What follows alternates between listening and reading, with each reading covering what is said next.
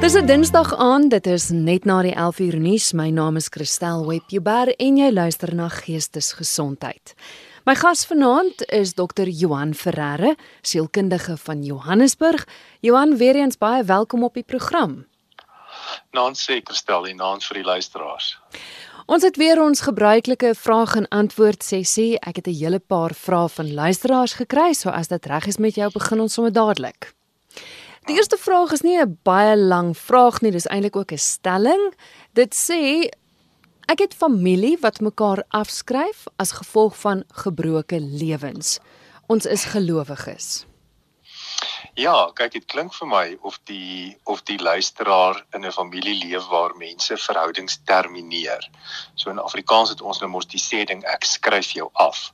So um my my begrip daarvan is is dat mense sekere gedrag openbaar in verhoudings wat ander mense dan nou diep verwond en eintlik ononderhandelbaar seermaak en dat ons dan eintlik die verhouding termineer. Met ander woorde, ek sien jou nie meer nie, ek praat nie meer met jou nie, ek het geen kontak met jou nie.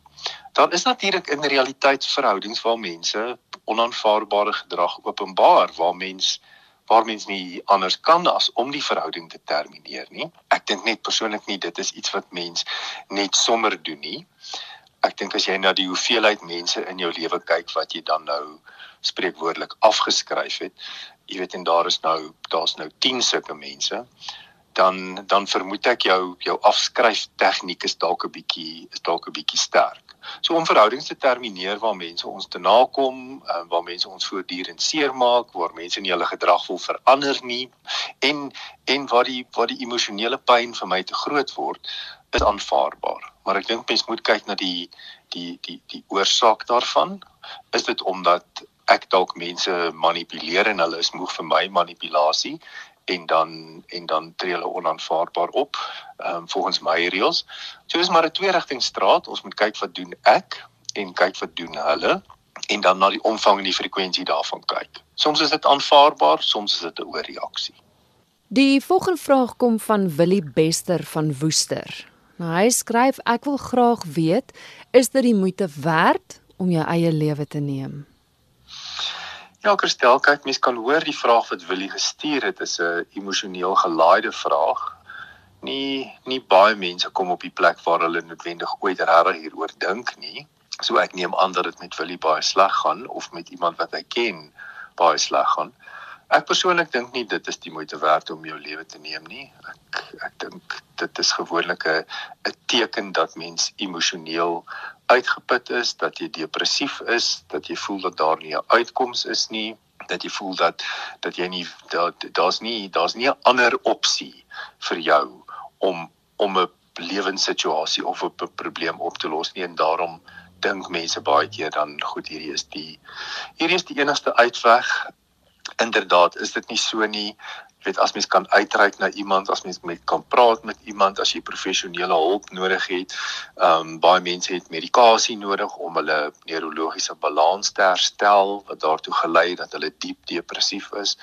Jy weet daar's 'n daar's 'n klomp alternatiewe wat mens wat mens regtig waar eers na moet kyk voordat mens net ehm um, net sommer so besluit neem. Dink is 'n baie ernstige ehm um, gedagte wat by mense opkom wat ons nie wat ons regtig waar nie kan ignoreer nie. So indien jy die gedagtes by herhaling het dat jy graag jou eie lewe wil beëindig of dat jy voel jy het nie jy het nie 'n ander opsie nie om eers uit te reik na mense toe en daaroor te praat. Moet dit nie 'n geheim hou nie jy weet dit is totaal subjektief dan. Ehm um, dis net my gedagtes en dis net my opinie oor waar my lewe op die oomblik is. Net as jy met iemand kan praat, dalk 'n geliefde of 'n vriend of 'n of 'n professionele persoon, dan kan hulle jou moontlik help sien dat dit wat jou so oorweldig, jy weet moontlik vanuit 'n ander hoek dalk anders lyk en nie heeltemal so negatief kan wees nie. So ek ek natuurlik ek as sielkundige dink nie ek dink nie mense behoort hulle lewens te neem nie. Ek dink ons moet eers die oorsaak daarvan bepaal en dan 'n pad stap hmm. om te kyk of ons jou uit hierdie verskriklike negatiewe denkpatroon uit kan begelei. Ek het 'n boodskap gekry van D van Noordwes. D skryf ek wil graag weet my seun het verlede jaar sy eie lewe geneem. Ons het geen nota gekry nie, niks. Hoe verwerk ek dit? Dit was 2 April. Ja, kyk, dit sluit natuurlik nou aan by die vorige vraag. Ehm um, en ons moet net besef dat wanneer mense hulle hulle eie lewe neem en en geen verduideliking laat vir vir familielede nie, dompel dit ons net in 'n in 'n put van van vrae waar daar nie antwoorde is nie. Ons kan nie weet nie, die persoon is nie meer hier nie. Ons kan afleidings maak, ons kan daaroor wonder, ons kan speurder speel en probeer uitvind wat verkeerd gegaan het. Maar dan moet ons verstaan, ons gaan ons gaan maar 'n uh, jy weet 'n baie vervloude weergawe van daardie persoon se realiteit beleef. So dit dit laat mense in 'n in 'n diep donker gat van vertwyfeling om nou daarmee te te te moet werk dat uh dat jou kind nie meer lewe nie, dat dit so sleg met jou kind gegaan het. En dan baie keer die jy weet die die onsekerheid oor hoekom hulle nie iets gesê het nie. So my raad sou wees dat dat die persoon wat wat nou agtergebly het, jy weet nou op 'n op 'n individuele pad sal moet klim om te verstaan wat wat jy self van die lewe dink, hoe jy oor die dood voel. Ehm um, dit help nie om jouself te verwyd nie, dit help nie om die vrae te vra wat nie antwoorde het nie. Hmm. Ja, maar hoekom het die persoon dit gedoen? Dis die verkeerde vraag om te vra. Ons kan nie ons het hierdie antwoord nie. As daar nie 'n briefie was nie en ons kan nie dat aflei nie kan ons nooit daardie vraag antwoord nie. So moenie die vraag vra nie, dis die verkeerde vraag om te vra. Vra eerder 'n vraag van wat gaan ek van die persoon onthou? Waar lê my waar lê my positiewe geheue saam met hierdie individu? Wat wat was vir my mooi van hierdie persoon se lewe? Hoe kan ek die lewe wat hierdie persoon gehad het vier? Jy weet, alle mense of hulle nou ehm um, jy weet of hulle nou jonk is en of hulle nou oud is, op een of ander stadium het ons tog iets positief van hulle beleef. En om en om eerder daarop te fokus as om as om die vrae te probeer vra van jy weet van te probeer begryp hoekom iemand so ingrypende ehm um, daad gepleeg het. En dan om te verstaan dat dit jou 'n ruk gaan vat. Jy weet hierdie gaan jy nie in 2 weke of in 2 maande deurwerk nie. Jy weet jy's in 'n rouproses, jy het jy het jou kind verloor maar jy het ook jou kind verloor op 'n manier wat wat werklik nie sin maak nie. So dis 'n baie komplekse proses om te begin deur te sê hierdie is nou my realiteit om eers in die pyn daarvan te sit en om dan te fokus op hoe hoe vier ek my lewe en hoe vier ek die lewe wat ek saam met my kind gehad het. Dit is 'n goeie beginpunt. Hier is 'n luisteraar wat skryf: Ek is desperaat, raad asseblief. My suster verag ons ma en wens haar dood. Sy vermy haar sedert 2019 omdat ons ma weer getrou het. Ons ma is die kosbaarste 'n engelmens en ek sy kry geweldig seer. Sy treur natuurlik oor haar twee kleinseuns. Ja, kyk herstel dit weer eens dit klink na 'n komplekse familiedinamika. Dit gaan natuurlik groot pyn veroorsaak vir 'n ouer indien hulle indien een van hulle kinders nie met hulle kontak wil hê nie en hulle kan dan nou moontlik ook nie hulle kleinkinders sien nie. Dit is baie moeilik om te bepaal hoekom die hoekom die vrou besluit het dat sy nie meer kontak met haar ma wil hê nie. Dit kan seker sekerlik nie net oor een rede gaan nie. Die feit dat haar mee ma weer getrou het, het haar dalk ontstel of sy voel dalk dat dit nie die regte ding was om te doen nie. Maar mens sal maar moet probeer uitvind maar wat wat wat lê dieper? Wat lê agter hierdie verduideliking van hoekom hoekom sy so kwaad is? Wat het haar so seer gemaak? Hoekom voel sy moontlik verraai deur haar ma se daad? Daar daar moet 'n eweredige groot stuk pyn by haar lê wat haar gedrag in stand hou weet so om jou om verhouding met jou ma te termineer is iets wat baie min mense kan regkry omdat ons omdat ons net diep en betekenisvolle koneksie met ons ma's het. So ek sou ek sou probeer verstaan wat lê wat lê agter dit. Dit kan nie dit kan nie so eenvoudig wees nie. Daar lê gekompliseerde pyn, daar lê eksponensiële pyn, daar's daar's iets wat die pyn laat groei, wat dit in stand hou, wat hierdie vrou in staat stel om deurlopend die besluit te neem dat ek nie met kontak met my ma gaan hê nie vir die ma wat nou die verlies uh beleef, um jy weet dit is maar 'n dit is maar 'n rouproses. Jy het nou eintlik jou kind lewend verloor. Jy weet jou kind leef nog maar hulle het geen kontak met jou nie. Dis baie moeilik. ek probeer maar ouers motiveer om nie hulle kinders te probeer manipuleer in so 'n situasie nie om genoeg tyd te gee. Sorg dat jou kind weet dat die dat die roete na jou toe is oop. Hulle kies dalk nie om kontak met jou te hê nie, maar om van tyd tot tyd net 'n boodskap te stuur deur te sê, weet jy, ek verlang na jou, ek mis jou. Wanneer jy reg is, kan jy my kontak. Ehm um, sodat die kind altyd weet daar's nie 'n kwessie van dat die ouer die het die verhouding getermineer nie. Ek gee die kind nou genoeg tyd om te prosesseer dit wat vir hulle so seer is dat hulle die verhouding wou termineer. Soldaat in die bos het 'n e-pos geskryf so wyle terug. Hy sê ek sit al weer in 'n weermagtent hier in die verte en ek luister na jou gesprek oor manipulasie. Ek rol van angs. Hy skryf verder eintlik woede oor die manipulerende gedrag van 'n lewensmaat wat of dreig om selfmoord of gesinsmoord te pleeg omdat hulle of nie hulle sin kry nie of nie kapabel is nie en dan 'n um, ehm, mens emosioneel afpers. Hy sê ek is deeglik bewus daarvan dat geestesgesondheid 'n werklikheid is en dat dit 'n baie groot moontlikheid is dat jou geliefde dalk 'n slagoffer kan wees. Maar terselfdertyd kan hy of sy 'n besluit maak om hulle gedagtegang om te keer en positief te begin raak. Die lewe gaan nie net oor een nie, maar oor almal. Hy skryf ook ek was gekelder deur hierdie tipe gedrag omdat ek nie wou toegee om 'n nuwe voertuig te koop nie. Ek moes my my voet neersit en hoop en bid dat sy nie sou toegee tot die selfmoordneigings wat sy um gedreig het om te doen nie. Hy sê hy moes selfs ook 'n sakereis afstel, kanselleer omdat sy gedreig het om haar eie lewe te neem. Hy skryf asseblief, as jy vasgevang is in so 'n verhouding, dwing jou maat om te gaan vir terapie. Moenie 'n slagoffer word nie.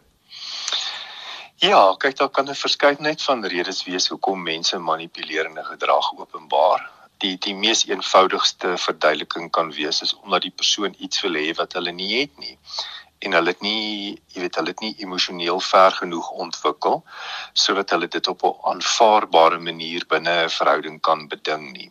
Soos ek wil hê my vrou moet vir my iets doen, dan behoort ek almos nou eintlik te vra as dit iets is wat ons nie kan bekostig nie of iets wat nie nou in ons tydlyn inpas nie of iets wat nie in ons waardestelsel inpas nie, dan sit mos nou al reg om nee te sê. Indien ek dan nou ontevrede is met die nee, dan begin mense gewoonlik deur manipulasie dan nou die situasie te probeer beding. Met ander woorde, hulle betree 'n magstryd en hulle sê indien jy dan nou nie aan my versoek voldoen nie, dan gaan ek en dan kom die dreigement nou mense manipuleer um, gewoonlik nou maar eers met met kleiner dingetjies. Okay, dan gaan ek jou eers ignoreer. Ek gaan nie met jou praat nie. Um, ek gaan ek gaan vriendelikheid van jou weerhou. Ek gaan finansies van jou weerhou en dan uiteindelik wanneer hulle in totale desperaatheid verval, dan kom die dan kom die selfdood te dreigement. Indien jy nie dit doen nie, maak ek myself sommer dood. Wat natuurlik 'n super disfunksionele en uiters manipulerende um, gedragspatroon is. Ehm um, verder moet ons ook besef dat jy weet mense met weet met persoonlikheidsuitdagings, mense met persoonlikheidsversteurings, hulle sukkel met met aanvaarbare sosiale gedrag en is dit vir hulle eintlik maar 'n 'n 'n manier om baie vinnig en baie doelgerig en eintlik baie effektief uiteindelik iemand te kry om te doen wat hulle wil doen. Die ding is net dat dit mense totaal emosioneel uitput. Ehm um, dit plaas jou dit plaas jou op 'n plek waar jy net nie eintlik kan bereken jy weet hoe kom jy uit hierdie uit hierdie kommunikasiekontrak uit nie. Die persoon het nou gesê, doen vir my X en as jy nie X doen nie, dan gaan ek myself doodmaak. Ehm um, jy weet hoe bereken ek of ek nou nie maar net X moet doen sodat die persoon sal aanhou leef nie die die die verdere dilemma is dat as jy dit nou eers een keer gedoen het, dan het jy nou die dreigement se effektiwiteit bevestig en dan weer die persoon volgende keer as ek nou weer iets onredeliks uh of iets ontoepaslik gaan vra dan hoef ek maar net weer daai kaart te speel. Ehm um, jy weet tieners doen dit dikwels met met hulle ouers Ehm um, jy weet as as ek nie as ek nie vanaand kan uitgaan nie, jy weet dan dan jy weet spring ek sommer by die venster uit of ek skiet myself of wat ook al ouers skrik hulle flou en hulle hulle hulle skuif dan die reëls.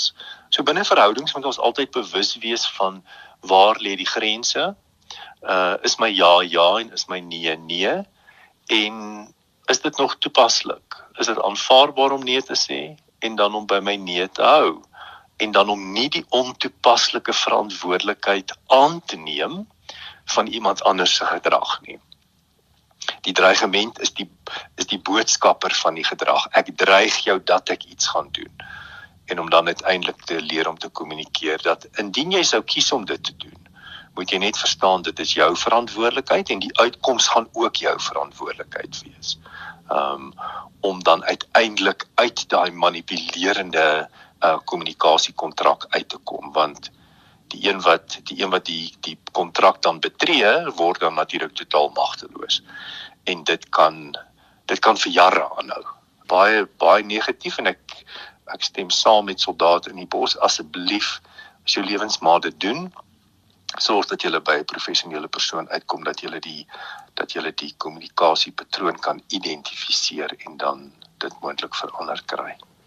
Ja, ja, dit is 'n moeilike ding want want eh, soos jy nou gesê het ook, jy weet aanvanklik gaan mens dink, maar is dit manipulasie? Is dit nie? Is die persoon ernstig of of is hy of sy nie? So moet dit eers 'n patroon word voordat jy gaan kan bepaal of dit manipulasie is?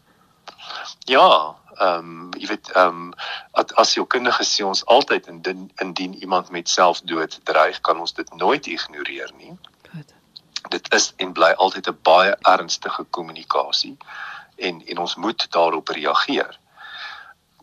Behalwe as die persoon dit nou al 25 keer gedoen het ehm um, jy weet gedreig het en gesê het ek gaan dit doen. En jy uiteindelik bepaal weet jy of die persoon dit nou gaan doen en of die persoon dit nou nie gaan doen nie. Ek gaan nou nie langer die verantwoordelikheid hiervoor neem nie. Indien die persoon dan dit wil doen, dan moet ons iemand kry om die persoon te help om te besef hierdie is 'n totaal geïndividualiseerde besluit. Ek neem die besluit vir my eie lewe. En as dit so sleg gaan met my, dan hoort ek eintlik op medikasie en in terapie by iemand of ergens in 'n hospitaal tot dit met my beter gaan.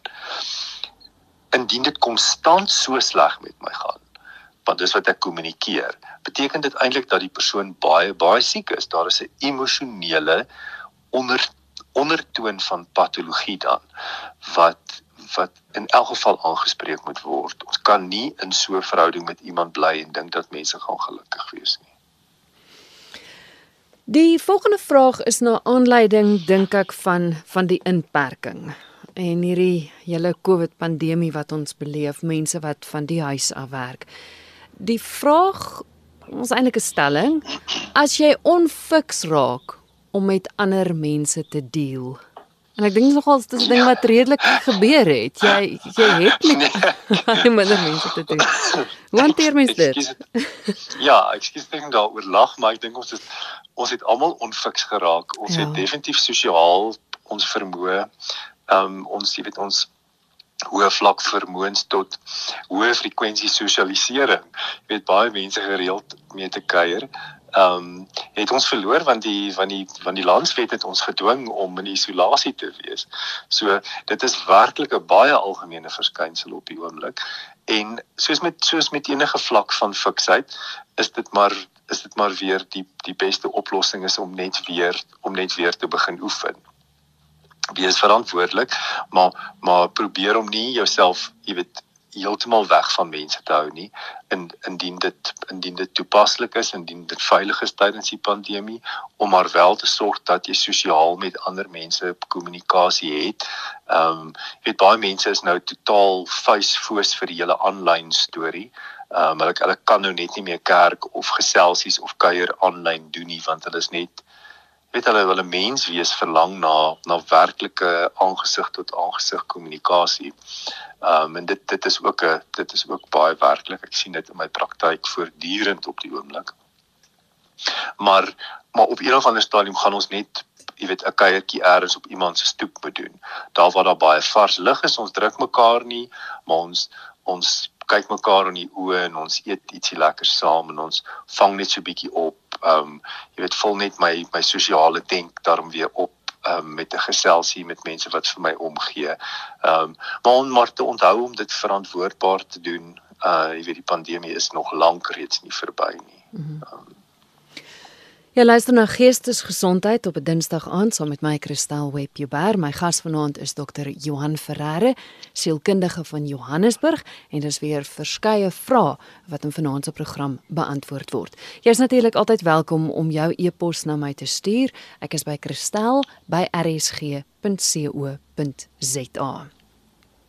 Johan ek was huiwerig aanvanklik om om die volgende vraag vir jou te vra want jy weet mense wonder maar altyd het dit te doen met geestesgesondheid maar hoe verder ek gelees het het ek agtergekom dat hierdie regtig 'n werklike probleem vir die luisteraar is en op die oomblik dink ek tog 'n invloed op sy geestesgesondheid kan hê.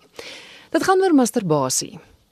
Hy skryf en hy sê dit is iets wat skielik op 'n hoë ouderdom op man vir mans as enigste opsie op hulle afgedwing kan word. Want as moeder besluit sy wil eerder die kat in die bed hê as vir jou en jy ewe verlee moet sit en wag totdat jy weer gehelp kan word. Jy moet jou beurt afwag. Hy sê dit is 'n sensitiewe saak. Ek weet vir baie mans, selfs die met hoë amptes in die kerk, wat 'n uh, ewe verlee oor die saak is. Kan so iets 'n invloed hê op 'n man se geestesgesondheid?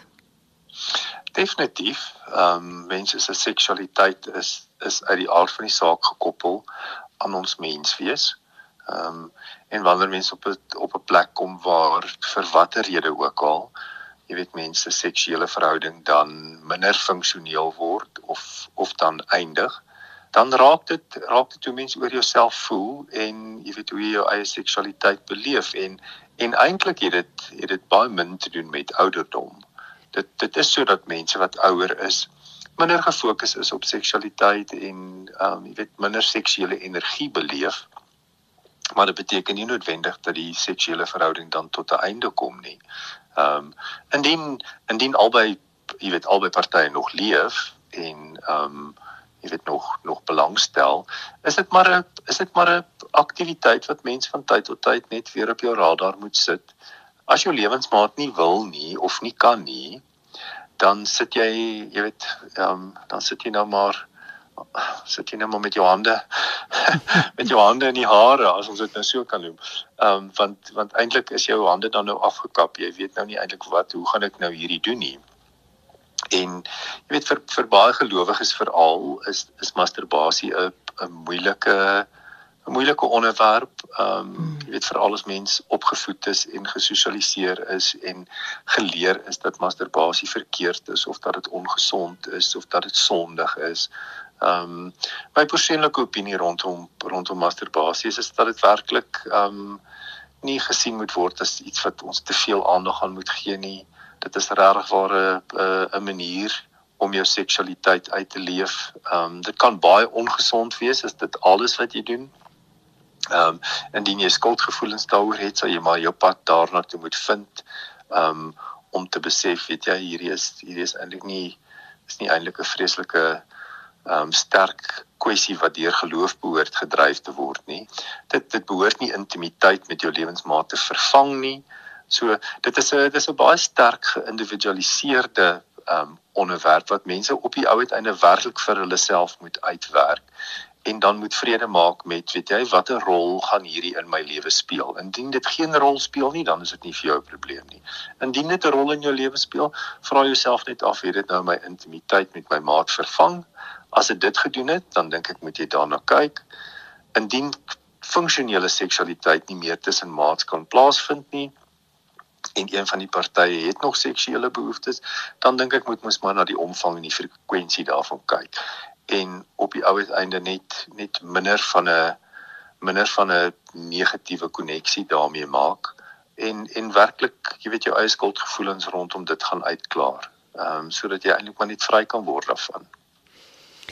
Dankie. Ehm um, ek het 'n e-pos gekry van 'n luisteraar wat sê ek werk vir 'n baie groot winkelgroep En sedert die begin van die pandemie het ons winkelgroep 'n inbelsentrum begin vir werknemers sowel as hulle nabye gesinslede.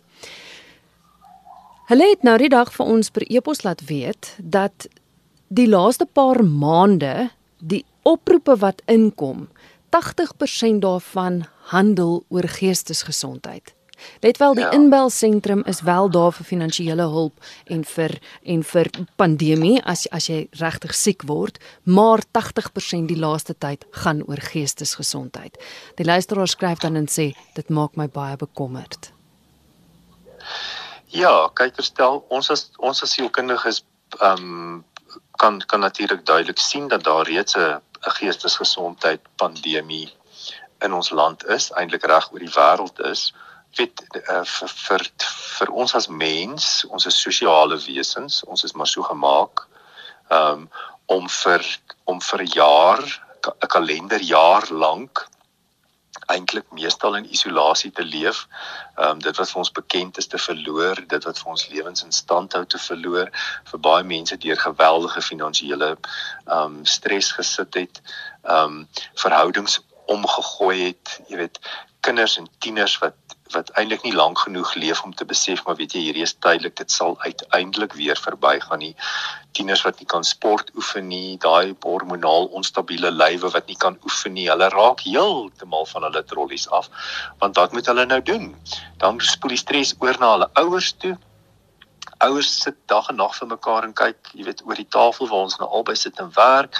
Jy weet dit dit is net 'n onnatuurlike um, situasie wat die die slegste in mense uiteindelik na vore toe kan bring wat wat nou maar so is. Uh jy weet ons het nie tyd om om net op 'n gesonde manier meer effektief te ontsnap aan dit wat vir ons um emosionele spanning veroorsaak nie. So ons gaan baie meer intentioneel moet leef Ehm um, ons gaan baie meer spesifiek moet dink wat vir my as mens gesond laat voel. Net omdat ek byvoorbeeld 'n introwert is en ek geniet die alleentyd verskriklik baie, beteken nie dat dit noodwendig vir my gees goed is om nooit mense te sien nie. Ehm um, jy weet introverte kan ook vereensaam. So hierdie is 'n hierdie is 'n geweldige uitdaging en en nog nooit in die geskiedenis van die wêreld het het so 'n groot gebeurtenis plaasgevind wat mense se sosialiserings um strategieë en patrone so ingrypend verander het nie. So ons weet nie eintlik wat die langtermyn effek gaan wees nie. Wat ons wat ons klaar kan sien is dat mense emosioneel baie swaar kry. Mense is baie angstig, mense is baie depressief. Uh mense is eintlik in 'n in 'n sosiale rouproses. Um weet ons voel dat ons die betekenisvolle sosiale sosialiseringsbehoeftes wat ons altyd gehad het eenvoudig nou in 'n kas moet wegberg wat ehm um, wat mense baie frustreerd maak. Al die al die gesondheidswerkers wat nou weer in die derde golf betrokke is, die jy weet daar's 'n daar's 'n diep diep moedeloosheid. Hmm. Ehm um, wat daartoe lei dat mense, jy weet maar eintlik jy weet pandemie uitgeput raak en dan raak mense onverskillig en dan gaan die dan gaan die infeksie ehm um, telling nou weer op. Ehm um, so dis 'n dis 'n baie uitdagende situasie en en weer eens vir die wat nie die nuus kyk nie, julle moet net weet dit is nog lank nie verby nie. Dit is nie verby nie. Al is ons moeg, is dit nog nie verby nie. So ons gaan moet vasbyt, ons gaan mekaar op ander maniere moet ondersteun en dit dit verbly my hart om te hoor dat daar inbel ehm um, sentrums is waar mense en jy weet kan kan skakel waar werkgewers die die geleentheid bied vir mense om te praat oor oor wat met hulle aangaan ehm um, hoe dit voel. Jy weet net vir ons 'n gedeelde werklikheid gee van van dit almal kry swaar op die oomblik. Daar's nie daar's regtig nie eintlik mense wat nie swaar kry op die oomblik nie. Hmm. Daleen het 'n SMS gestuur wat sê: "Raad asseblief, my hartsvriendin se man is 14 jaar gelede vermoor. Onlangs is hy na 59 jaar weer getroud met haar laerskoolkeis. Haar dogter verwerp haar nou. En sy wens sy en nie haar pa is doodgeskiet nie. Ek weet nie wat om vir haar te doen en vir haar te sê nie. Sy voel ongelooflik skuldig en sy sê ook ehm um, ja, sy sê nou my vriendin wy haar lewe aan autistiese kinders. Ja, kyk ek, ek dink die vriendin moet dalk net jy weet net vir hierdie vir hierdie vrou help met 'n bietjie realiteitstoetsing deur te sê, weet jy wat nee, om om na soveel jare uiteindelik weer in 'n verhouding te staan met iemand wat vir jou goed is en vir wie jy lief is, is eintlik 'n wonderlike stuk genade. Dis nie verkeerd nie. Die feit dat hierdie kind nou wat nou dalk sekerlik nou ook al 'n volwassene is, so sterk daarop reageer, beteken hulle het nog onverwerkte negatiewe emosies rondom die afsterwe van hulle ouer en dit word nou geprojekteer op hierdie op hierdie nuwe verhouding. So dit is totaal ontoepaslik. Weet as die as die vrou niks verkeerds gedoen het nie, sy was nie getroud nie, sy is enkel lopend. Sy het iemand ontmoet wat vir haar lief is en wat wat weet weet hulle kan nou 'n positiewe verhouding met mekaar hê. Die uitdaging lê maar eintlik by die kind wat moet wat moet vrede maak dat weet jy my pa het gesterf en hy is nie meer hier nie en hy gaan nie weer hier wees nie en jy weet om weer te trou beteken nie dat ek my vorige verhouding diskwalifiseer of dat ek my vorige lewensmaat vergeet nie. Dit beteken net daai persoon is nie meer hier nie en my lewe het aangegaan. Ek is nog hier, my liggaam bestaan nog en en om maar eintlik om maar eintlik dalk as vriendin dalk met jou vriendin se kind te praat en te sê dink jy nie dis tyd dat dat jy hierdie onverwerkte rou reaksie wat jy nog rondom jou pa se afsterwe wat uit die aard van die saak super traumaties moes gewees het as hy vermoor was. Ehm um, mm. dalk is dit nou tyd vir daai persoon om om uiteindelik deur daardie rou reaksie te gaan en te besef my pa het gesterf en hy is weg. En dit help nie ek ontken dit en dis nou kwaad vir my ma omdat sy eintlik effektief met haar lewe aangaan. Dit klink vir my die ma is klaar met haar rou reaksie en die vriendin kan dalk dit vir haar sê. Is om te sê daar's nie 'n rede om skuldig te voel nie. Ehm um, jy doen mos nou nie iets verkeerd nie. Volgens alle sosiale en geestelike waardes tree jy heeltemal binne normaliteit op. Ehm um, kom ons help eerder die kind om om deur om deur die kind se rou reaksie te kom en te aan jy weet by 'n plek van aanvaarding te kom van die afsterwe van 'n ouer. Goed. Hierso luister al wat vra wat is psigose? Psigose is is wanneer is wanneer 'n uh, persone 'n breek met realiteit het. Met ander woorde, jy kry verskillende tipe psigoses, jy kry 'n auditiewe psigose of 'n visuele psigose. Ehm um, ehm um, daar's daar's daar's 'n paar van hulle. Met ander woorde jy hoor iets wat nie bestaan nie of jy sien iets wat nie bestaan nie of jy voel iets wat nie bestaan nie of jy dink iets wat nie in realiteit gebaseer is nie. Jy weet mens kan 'n mens kan 'n vervolgingswaan hê wat wat in psigose lê. So dis 'n baie ernstige sielkundige verskynsel. Ons sien dit gewoonlik by mense wat aan skizofrenie ly waar dit wat in die realiteit gebeur nie is wat hulle beleef nie. Ehm um, so dit waar hulle hulle self bevind, plaas hulle iets in die realiteit in en dit gebeur in hulle brein. Dit gebeur neurologies. Ehm um, daar's 'n neurologiese wanbalans wat veroorsaak dat hulle gedagtes kan hê wat irrasioneel is, wat regtig nie so is nie. Iemand is agter my aan, iemand wil my doodmaak, iemand agtervolg my, iemand wil al my geld steel daai daai diep gewortelde agterdog of of iets sien of hoor wat ander mense nie kan sien of of hoor nie en dan en dan vir hulle die realiteit word. Nog 'n luisteraar vra, hoe keer ek dat finansiële stres 'n invloed het op my geestesgesondheid? Ja, dit is 'n dis 'n redelike algemene situasie tans, ehm um, omdat omdat 'n baie groot persentasie van mense tans finansiële stres beleef. So wat ons gewoonlik doen om mense daarmee te help, is om te sê ons moet ons moet eerstens sorg dat ons totaal en al met die realiteit omgaan. So jy moet 'n begroting opstel dit help nie jy wonder of jy genoeg geld het nie en dit help nie jy wonder of jy aan die einde van die maand jy weet genoeg geld gaan hê om jou om jou kragrekening te betaal nie. Stel 'n begroting op.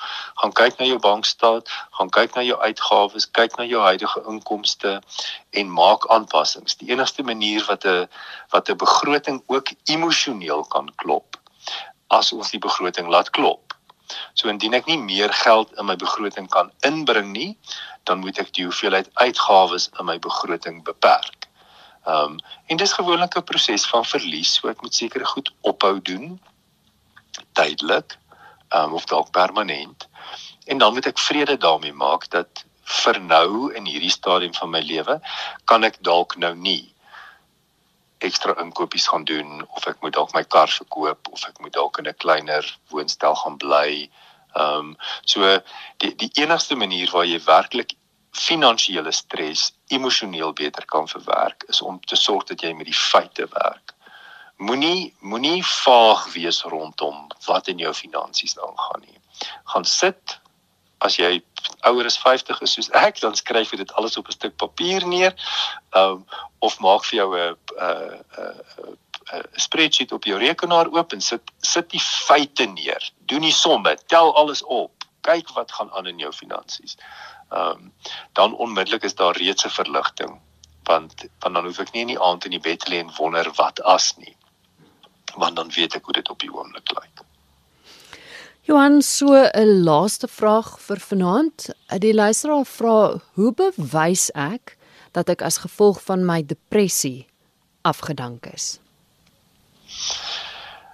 Ehm, um, Christel, dis 'n ehm um, dis 'n moeilike vraag. Ek ek sal probeer om dit te antwoord. Ek weet nie of ek dit reg verstaan nie. Mens kan nie mens dit dit klink of die persoon hulle werk verloor het en hulle het die het die dit klink of die, die rede gegee is dat hulle depressief was of of dink die persoon hulle is afgedank vir 'n ander rede. Ehm um, ja, soos dit so, soos dit vir my klink, is dit 'n persoon dit dit is bekend by die werk dat die persoon 'n depressieleier is mm. en daar word geglo dat die persoon afgedank is as gevolg daarvan. Ja, kyk mens ehm um, vir eens mens sal na die mens sal na die omvang van die depressie moes gaan kyk het as die persoon gereeld ehm um, gereeld met siekverlof is die depressie is 'n siekte dit is 'n gediagnoseerbare siekte. Ehm um, so dit is nie uh, dit is nou nie in die persoon se verbeelding dat hulle dit het nie.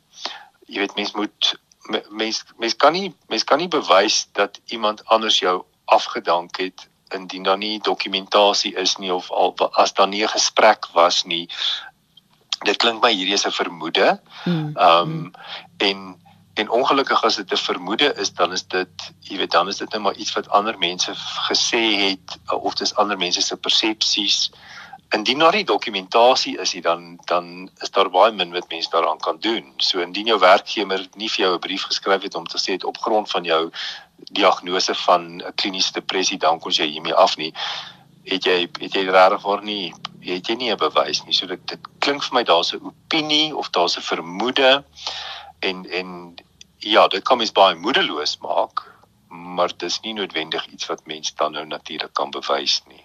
Goed. Sommer net vir interessantheid mag iemand jou afdank omdat jy depressie het Dis Christel, ek's nou nie 'n regsgeleerde nie, maar soos ek hier soos ek die arbeidswet verstaan, mag ons nie mense afdank omdat hulle bepaalde siektes het nie.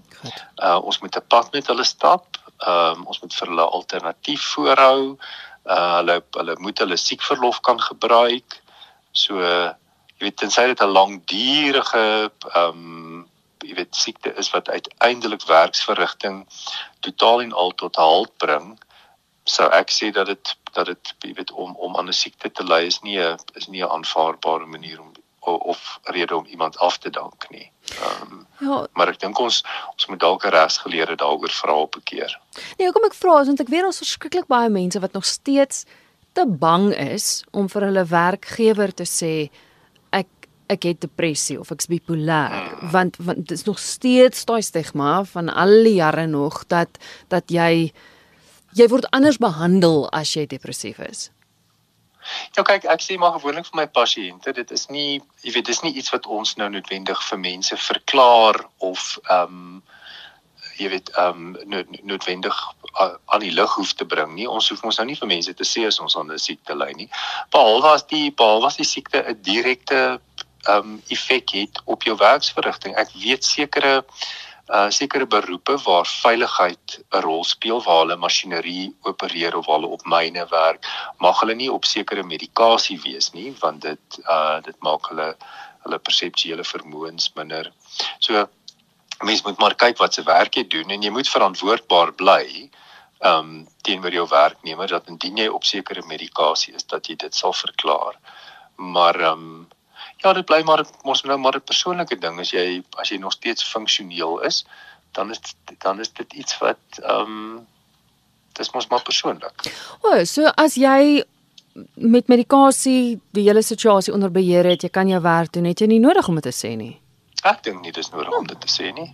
Ehm um, as ek ehm um, as ek kolonkanker het en my my kanker is behandel en ek het herstel, hoekom moet ek vir hulle sê ek is siek? As ek nog steeds my werk kan doen. Wat um, maak sin?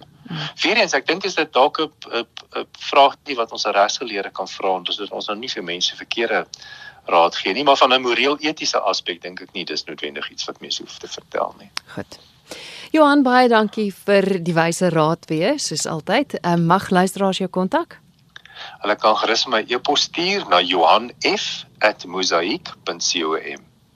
Ek het gesels met die sielkundige Dr. Johan Ferreira. Hy is by Johan F by Mosaic. Dit word gespel M O S A I E K. .com en ek is by Christel by rsg.co.za. Tot volgende week. Mag dit met jou goed gaan.